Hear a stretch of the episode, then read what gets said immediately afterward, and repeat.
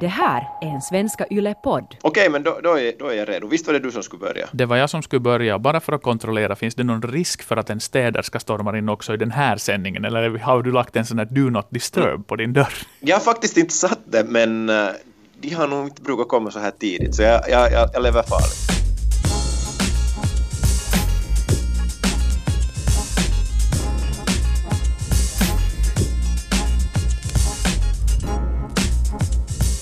Det här är det 58 avsnittet av Yllesportens podd Koivukangas och Vuojärvi. Koivukangas som vanligt parkerad med rumpan fast förankrad i österbottnisk mylla. Inte helt sådär fysiskt, men, men, men i tanken. Medan vi har och Vuojärvi med oss från, varifrån? Košice!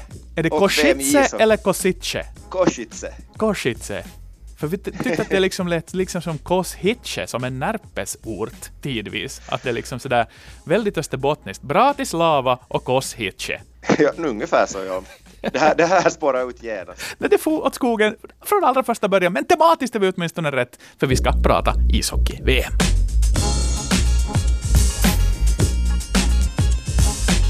Uh, jaha Antti, är det dags för oss att krypa till korset? Uh, vi var ju, ska vi säga, ganska tveksamma till, till Lejonens chanser att gå långt i turneringen för en vecka sedan. Nå, nu har ju Finland radat upp två segrar på två matcher mot bra motstånd dessutom, Kanada och Slovakien. Ska vi vända kappan? Jag kan revidera positionen på min kappa en aning och kanske börja böja mig ner på knä och ta riktning på en, en kristen symbol sådär rent praktiskt. Men i grund och botten har ju inte hemskt mycket saker ändrat. Alltså, eh, Lejonen eh, är ju inte mitt i allt en medaljkandidat på pappret. Fortsättningsvis, det har inte ändrat, men spelar de som de har gjort i de här två första matcherna och kanske har med det momentum som de tog med sig från EHT-turneringen i Tjeckien då de mötte de där riktigt bra motståndarna där. Så med sex poäng av sex möjliga så nu, nu man är ju på allvar med i kvartsfinalspekulationerna på riktigt. Och det var ju den där minimimålsättningen vi pratade om.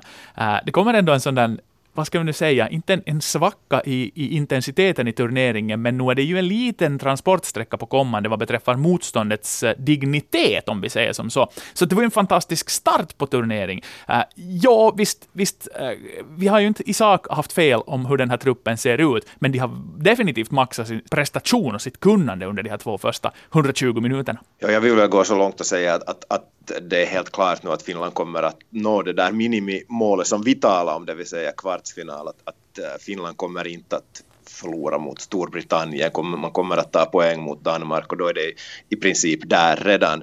Men, men helt som du säger så, så det vad vi sa förra veckan så gäller fortfarande, Finland ser ganska trubbigt ut framåt utöver då en, en viss och Kakko, man har så fortsättningsvis fruktansvärt svårt att göra mål. Eh, och sen tycker jag väl också att vi inte ska blunda för det faktum att Finland mötte ett oinspirerat Kanada i första matchen. Och, och, och Slovakien håller ju ungefär samma klass som Lejonen, till och med lite sämre. Men det sagt väldigt, väldigt välkomna segrar för just det här finländska laget. Vi talade om det eh, redan förra veckan att, att de här två segrarna mot Tjeckien och mot Ryssland i Eurohockey Tour så i det stora hela spelar inte så stor roll. Men just för det här äh, ifrågasatta finländska laget så, så, så, var det säkert viktiga för att höja själv självförtroende. Men, men, men visst, det finns ju jättegoda tecken också. Det heter ju alltid att äh, stämningen i truppen är så god och det handlar om VM och att, att, att det är det bästa man kan, kan göra, det vill säga spela för, för Lejonen. Men, men i år har jag faktiskt en känsla att det gäller mer än tidigare och, och jag upplever en sån här carpe diem-stämning över jättemånga av de här Lejonspelarna och det tycker jag är fräscht för att Eh, ofta framför eh, oss journalister så, så har det ändå varit lite ansträngt. Men, men nu ser jag, jag vet inte också handlar det om, om spelartyperna som, som Kevin Lankinen, eh, Jani Hakanpää, Oliver Kaski och så vidare. Det finns många liknande exempel som, som, som bara njuter av livet att vara här och, och är så otroligt avslappnade i sin, sin inställning till, till det som sker utanför rinken. Det finns ett enda undantag i den här truppen som, som, som där det, är lite ansträngt och det är Jukka Jalonen. Ja, han, why? Han av, jag vet inte. Det måste vara tungt att vara Jukka Jalonen känns det åtminstone utanför det här ishockeymässiga för han verkar avsky att tala till exempel med journalister. Han är kort i tonen och han är sur och han är stingslig. Men, men han gör ju resultat så att, så att han får väl vi får väl bara acceptera det. Ja, ja, Lejonkungen ger ett lite sådär intryck av att, att, att, vara en sur gubbe. Och, och, det är ju lite på det viset konstigt. Jag menar, naturligtvis Jukka Jalonen har en, en, en framgångsrik eh, CV. Han kan luta sig tillbaka på att han bevisligen kan nå resultat. Så att han behöver ju inte heller efter att, att hans ifrågasatta lag vinner två matcher, så han behöver ju inte börja med sådana här äkutti-fasoner och börja liksom rub it in åt någon, utan, utan um, någonstans borde han väl bara kunna njuta och tycka att okej, okay, att det här har börjat bra, men vi har inte nått ingenting. Det blir ju jätteviktigt och det är kul att du säger det nu när den här truppstämningen verkar vara så bra. Och det rimligtvis är, är långt hunnen vår där nere i, i, i, Slovakien är ju det att vad gör Finland nu under de här två kommande dagarna efter dagens USA-dust sen för att kanalisera energin rätt och liksom inte tappa det. För att jag menar på sätt och vis, säg nu att ponera att de skulle ta nu har vi de där sex poängen i kassan och det skulle bli ännu flera under den här drabbningen. Äh, så nu är det ju en makalös start som i praktiken sen sist och slutligen inte ändå betyder någonting annat än att man kan börja tänka redan på liksom, följande vecka och, och, eventuella kvartsfinaler. Så att, att det är ju en utmaning det också, för att om de här killarna där nu njuter och tycker att det här är det bästa som finns, så nu har de ju blivit bailade ut av en 18-åring, med tanke på att mm. det inte är hemskt många andra som har levererat. Äh, hela Finland är ju totalt bonkers, inte bara bara Finland, hela hockeyvärlden just nu är helt bonkers över Capo Kakko. Och, och, och han var ju den där, eh, den där spetsen och profilen som vi efterlyste, att den inte fanns. Uh, did you see this coming? Nej, verkligen inte. Uh, jag, jag tycker vi har upplevt något alldeles unikt nu. Uh, jag har själv dragit paralleller för att det är så lätt gjort.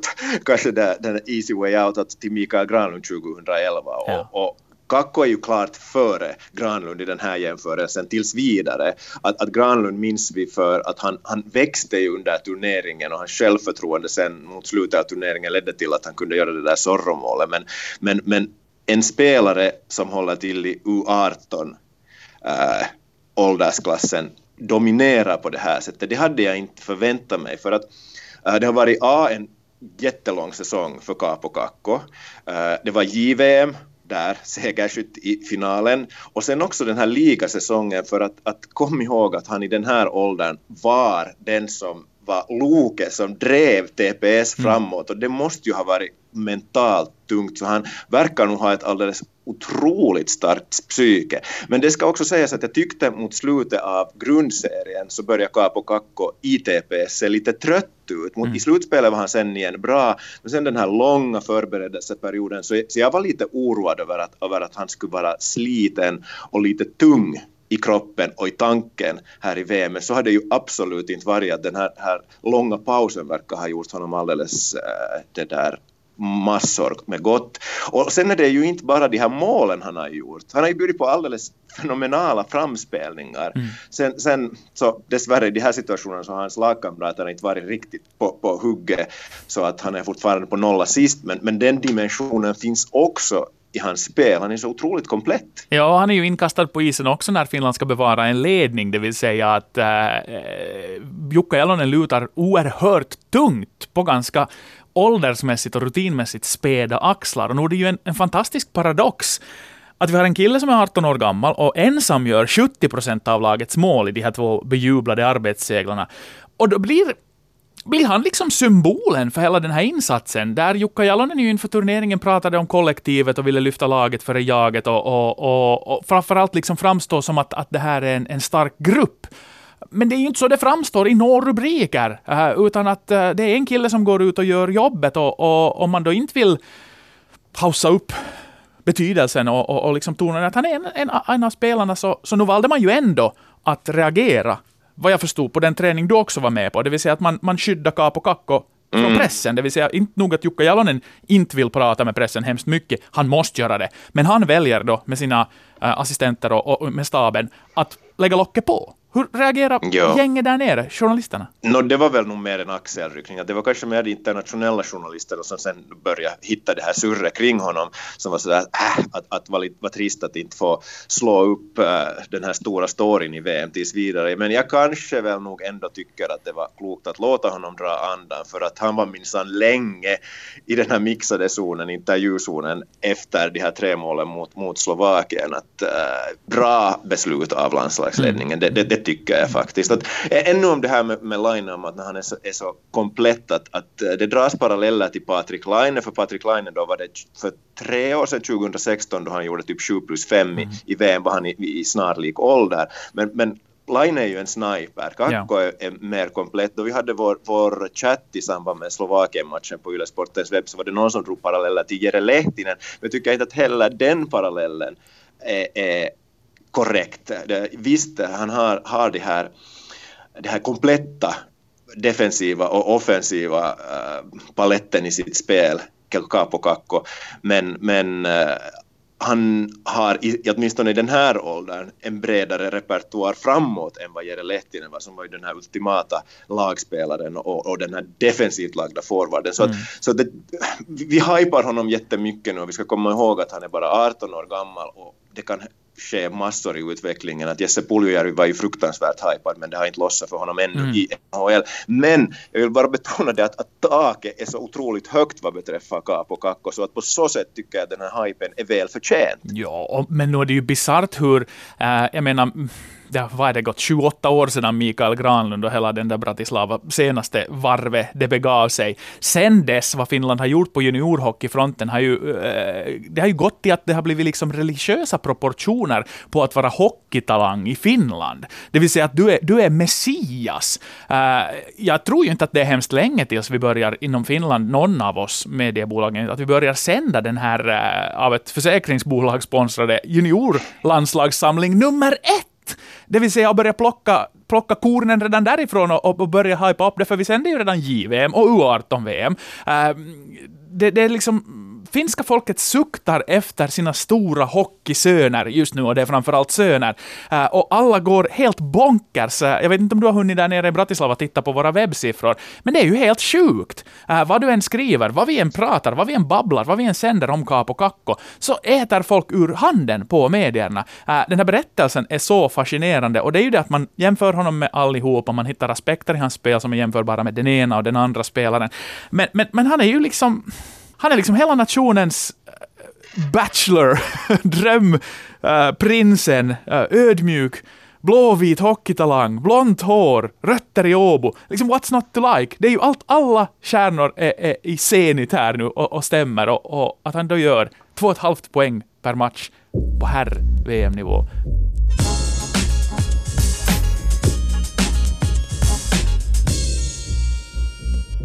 Men jag vill inte tala ännu om, om de övriga lejonen för att, för att nu vara i, i Jukka Jalonens anda att det handlar om ett lag. För visst har ju till exempel Kevin Lankinen inlett också alldeles oerhört bra den här turneringen. Mm. Men ska han stå idag? Vad är din magkänsla? För att jag tycker ju att om man ser på långa turneringar sen tidigare och där vi inte har en situation där vi har Pekka Rinne och två dålisar, utan att vi har en ganska jämn palett, så nu, nu med tanke också på hela EHT-vintern, nu är det väl Vehviläinens på sätt och vis tur att visa, visa att han är, han är med i racet, va? Jo, det, det, det, håller jag med om. Och, och de signaler jag fick på gårdagens träning är väl att, att Vehviläinen står idag. Och det, det vad jag hänvisar till är alltså att målvaktstränaren ofta ger lite mer uppmärksamhet åt den målvakten som kommer att stå nästa match. Och jag tyckte att Finlands målvaktstränare Kari Lehtonen, som då inte den här förre NHL-målvakten utan den annan Kari Lehtonen, så, så, så var lite lite mer framför Veini Vehviläinen och gav honom råd. Så att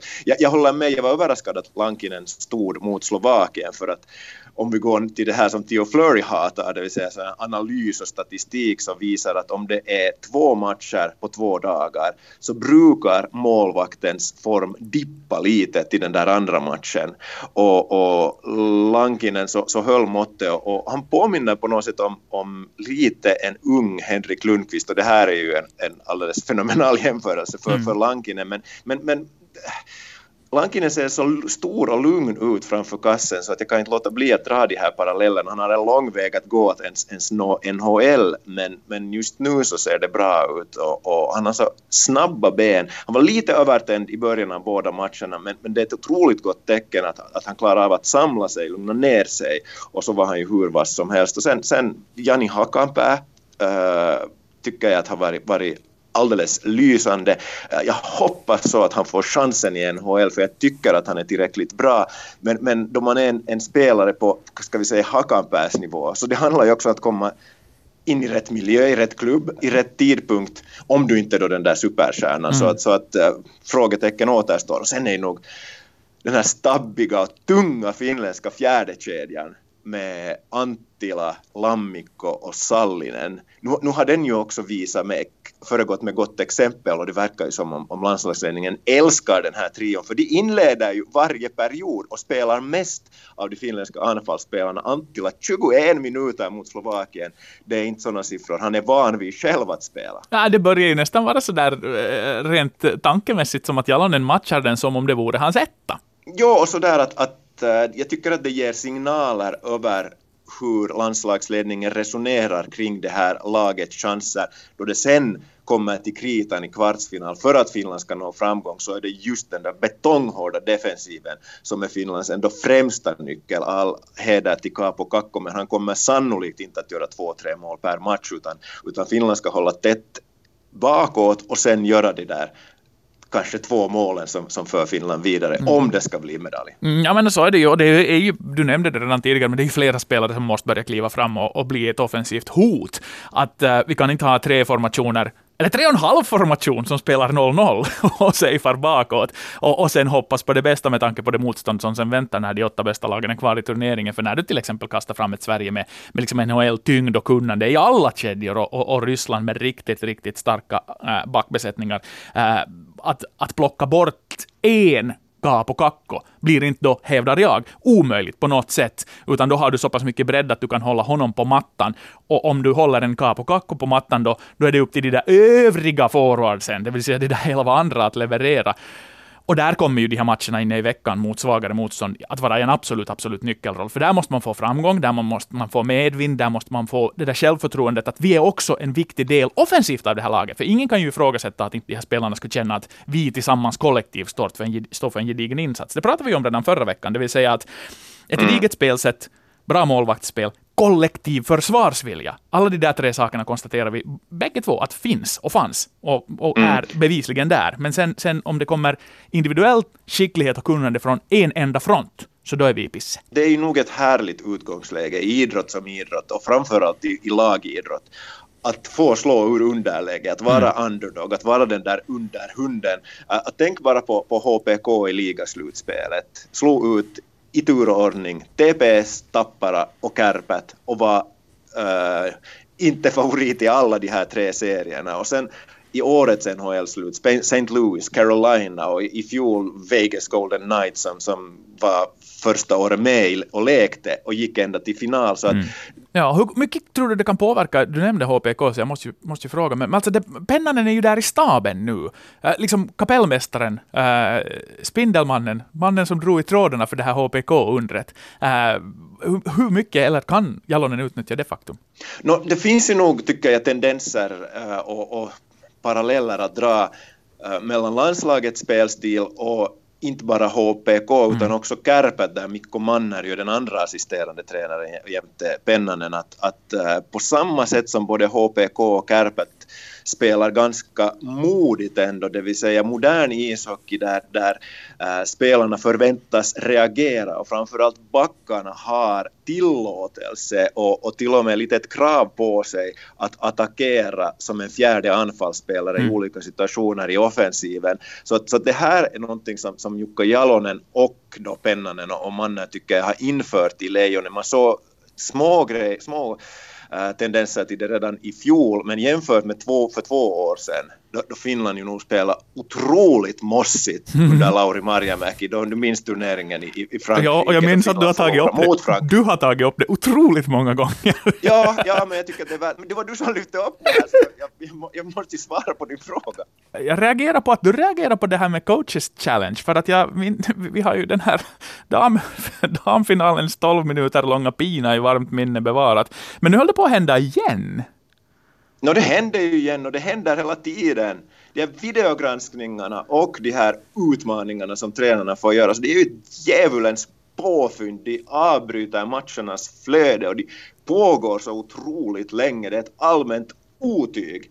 Jag skrev om det här redan i, i, form, i någon av, av mina texter. Jag tycker att det här vi ska komma ihåg att det här är idrott, det här är ishockey, det här är inte juridik och det blir aldrig hundraprocentigt vattentätt. Och vi såg många exempel på det redan under ligasäsongen. Mm. Identiska situationer vad beträffar målvaktsinterference så ledde det ibland till att, att domarna efter videogranskningar underkände målen och ibland till att de godkände dem.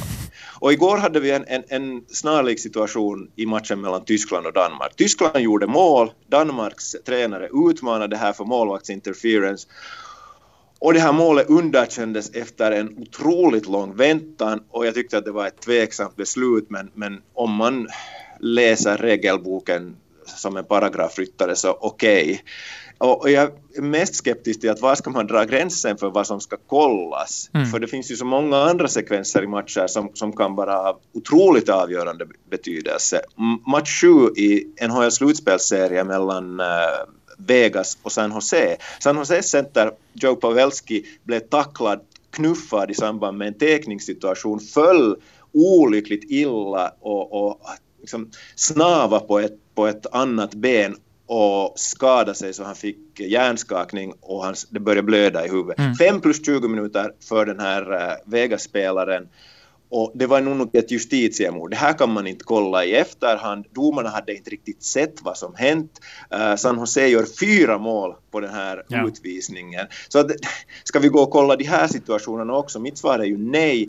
Uh, misstag sker och här kan ju det här exemplet jag drar upp så kan ju Vegas i sin tur fundera på att, att kanske nu inte det numerära underläge fungerar som, som det gjorde. Och sen den här löjliga uh, utmaningen i mitt tycke som Jalonen gjorde mot mm. Slovakien. Mm, så, så där brände han en timeout som kunde ha behövts senare, men, men den kändes bara så larvig på något sätt. Jag, tyckte, jag tror att Karri Kivi, så hävdades i alla fall, sa i MTVs studio, Ilves-tränaren, att, att eh, man borde ge en utvisning till det lag som utmanar, som inte får rätt. Och det här mm. tycker jag skulle kunna vara en, en grej som, som gör att, att eh, tröskeln lite höjs för att för tränarna att, att utmana. Och sen har vi ju de här offside-situationerna som vävas av och an. Så ja.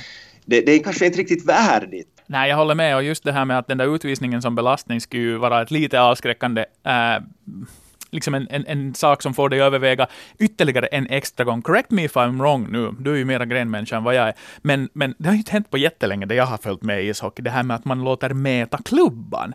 För gjorde man ja. det och det var felaktigt, då blev man väl straffad med en utvisning. Det vill säga, ja, det, om, det... om, du utmanar och sa att hej, vi tycker att uh, nu är, är Ovechkins klubba lite förböjd, och den inte visar sig vara det, då fick du utvisning. Ja, ja, det har jag inte sett gudskelov på jättelänge, för det, det går ju emot all liksom, idrottens etik och fair play-anda och, och, och motståndarna blir ju alltid helt tokiga då det, då det här skedde, men, men, men jag hoppas att de här fasonerna så är någonting från det förgångna. Ja, men vi kan låna det enda goda då i den regeln, det vill säga den där straff, straffutvisningen och plocka in den till coaches challenge, så då får vi kanske ner de utmaningarna på en vettig nivå i så fall. Hoppeligen inga coaches challenges för Finlands del idag. Eh, poddar är färskvara. Vi pratar för tillfället alltså måndag förmiddag och Finlands turnering fortsätter redan med match mot USA. Uh, ojämnt USA hittills, Krisu. Vad säger du om dagens motståndare då? Vad tror du? USA har ju, det har jag sagt tidigare, ett alldeles förträffligt lag mm. på pappret. Det finns stjärnglans och, och, det finns spännande unga spelare. Om Finland har Capo Kakko så har eh, USA Jack Hughes. Så att USA, så det känns som att, att USA, Sverige, Kanada Ryssland har jag, har jag inte hunnit se än, mm. men som, som går fortfarande på sparlåga. Så att uh, den, den fördel som Finland har haft med sin långa förberedelse, så den kommer att uh, bli allt mindre och mindre för de här toppnationerna. De spelar nog ihop sig och, och då det sen kommer till kritan så räknar jag med att de kommer att vara otroligt svåra för Finland att, att besegra. Om, om de här övriga nationerna så, så tycker jag faktiskt att Slovakien är lite på gång. Slovakien Uh, har inte tagit sig till kvartsfinal på många herrans mm. år. Men, men som, som vi såg i söndag så, så Slovakien spelar modigt, ganska modern, snabb, offensiv ishockey med sitt trots allt lite begränsade manskap. För dem så blir väl nyckeln matchen den mot Tyskland. Men, men i och med att man redan har tre poäng i bagage efter segern över, över USA så har Slovakien nu en livslina på väg mot en eventuell kvartsfinal. kvartsfinal. Jag skulle unna den här stolta ishockeynationen lite, lite guld i, i, i guldkant på vardagen för att uh, slovakisk ishockey har varit sedan de där guldåren där kring eller första årtiondet på 2000-talet mm. så, så har jag nog varit på dekis. Ja, Bondrapalfi, Demitra och så vidare. Det var, det var killar det, det är det kanske inte idag, men det, det är roliga att se. Och det verkar ju vara en ganska stor hockeyfest där, men kanske vi, kanske vi sparar den här riktiga powerrankingen av de där andra nationerna till nästa veckas podd, för då har vi ju sett betydligt mera av det här att komma igång bland de mm. toppnationerna, så då vet vi ja. betydligt mer var de övriga nationerna står. Men jag ska bara säga en, en sak till, alltså Italien 0-17 i målskillnad efter två matcher. Nu är det ju dassigt. Och Storbritannien har ju nog inte heller mycket att hämta på den här nivån. Men, men de har ju åtminstone fans, så, så, på så sätt bidrar den storbrittanniska ishockeyn till någonting roligt här. Men, men det här tror jag vi har varit inne på tidigare, att det finns ju, tycker jag, 14 lag som håller åtminstone mm. hyfsad nivå. Sen, sen de två sämsta i, i, i VM så är ofta de som blir statister helt enkelt och det är inte alltid kanske helt värdigt ett VM. Och nästa år har vi Vitryssland och Kazakstan med i AVM. Vitryssland är väl okej, men Kazakstan känns ju nog också ganska så mossigt. Det känns nog som att de nationerna på plats 15 och 16 är egentligen fullständigt utbytbara. Du kan kasta in vem som helst och så är det just sådär.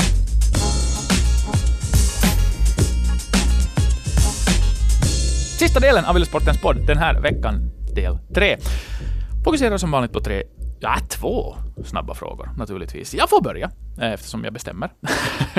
Chris, yes. äh, statsmän och kvinnor genom tiderna i Finland, favoriter, herr och damversion. Skjut. Det blir ju lätt sådär politiskt att, att folk kanske sätter en stämpel på en, så att det här är bara, det här är lite så här plojaktigt nu, men, men bara tack vare, på grund av hans smeknamn, måste väl plocka fram Lauri Relander. Alltså Reissu-Lasse, han gjorde några resor till, till Sverige och kanske till något annat nordiskt land. Och så tyckte man i Finland att, att, att den där presidenten, att han reser nog lite för mycket, att han borde vara här på hemmaplan och, och, och sköta om Finlands angelägenheter. Så, så uh, Lauri Relander, also ja. known as Reissu-Lasse, så, så, så är, är mitt svar på här. Jag måste fundera lite på, på den här damen, för uh, jag hade bara Reissulasse så här direkt i minne. Säg dina så, så no, Jag kan under tiden berätta för dig att jag äh, bland herrar, äh, statsmän, är lite svag för Risto Ryti. Äh, mm. Djärv och resolut. Under, un, ja, under hårt tryck och framförallt det här, det här liksom personliga uppoffringen och hela tukthuset och allting, krigsansvarighetsprocesser. Det, det var en karl som, som om vi säger sådär kallt sportjournalist jargongmässigt, took one for the team. Så att för mig är det, är det Risto Ryti. Jag gjorde dessutom någon kumuppsats i tiderna i, på hissan i Åbo om honom, så att jag måste väl hävda att jag är väl lite mer insatt än, än vanligt i, i hans förehavanden. På damsidan så är det en liksom duell mellan en, en, en fornstorhet och en eh, ganska modern företeelse. Jag, jag gillar Tarja Halonens landsmoderliga grepp som president och också gillar det hon gjorde före och efter sitt presidentskap. Och hon står näck näck där och slåss med Minna Kant, sådär som nationsbyggande mm. äh, faktor och, och påverkare på, på, på Finlandsbilden och sådär. Så att, ähm, dött lopp, Halonen Kant på damsidan, Risto Ryti på herrsidan. Ja, då säger jag, jag vet inte att är hon någon tillräcklig dignitet i, i den här frågan, men, men Heidi Hautala har jag jättestor respekt för. Att Absolut. Kunnig och, och, och